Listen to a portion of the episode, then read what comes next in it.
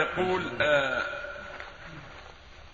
أودعت فلوسي في أحد البنوك منذ فترة طويلة وعندما سحبت المبلغ قالوا لي هذا لك أرباح حوالي خمسين ألف ريال وأنا علمت هذا آه، أن هذا ربا ولا يجوز لي والآن أسأل عندنا بقريتنا حفيرة أي جابية وهي مورد لهذه القرية يشربون منها فهل يصح لي أن أصنع هذا أضع هذا المبلغ فيها؟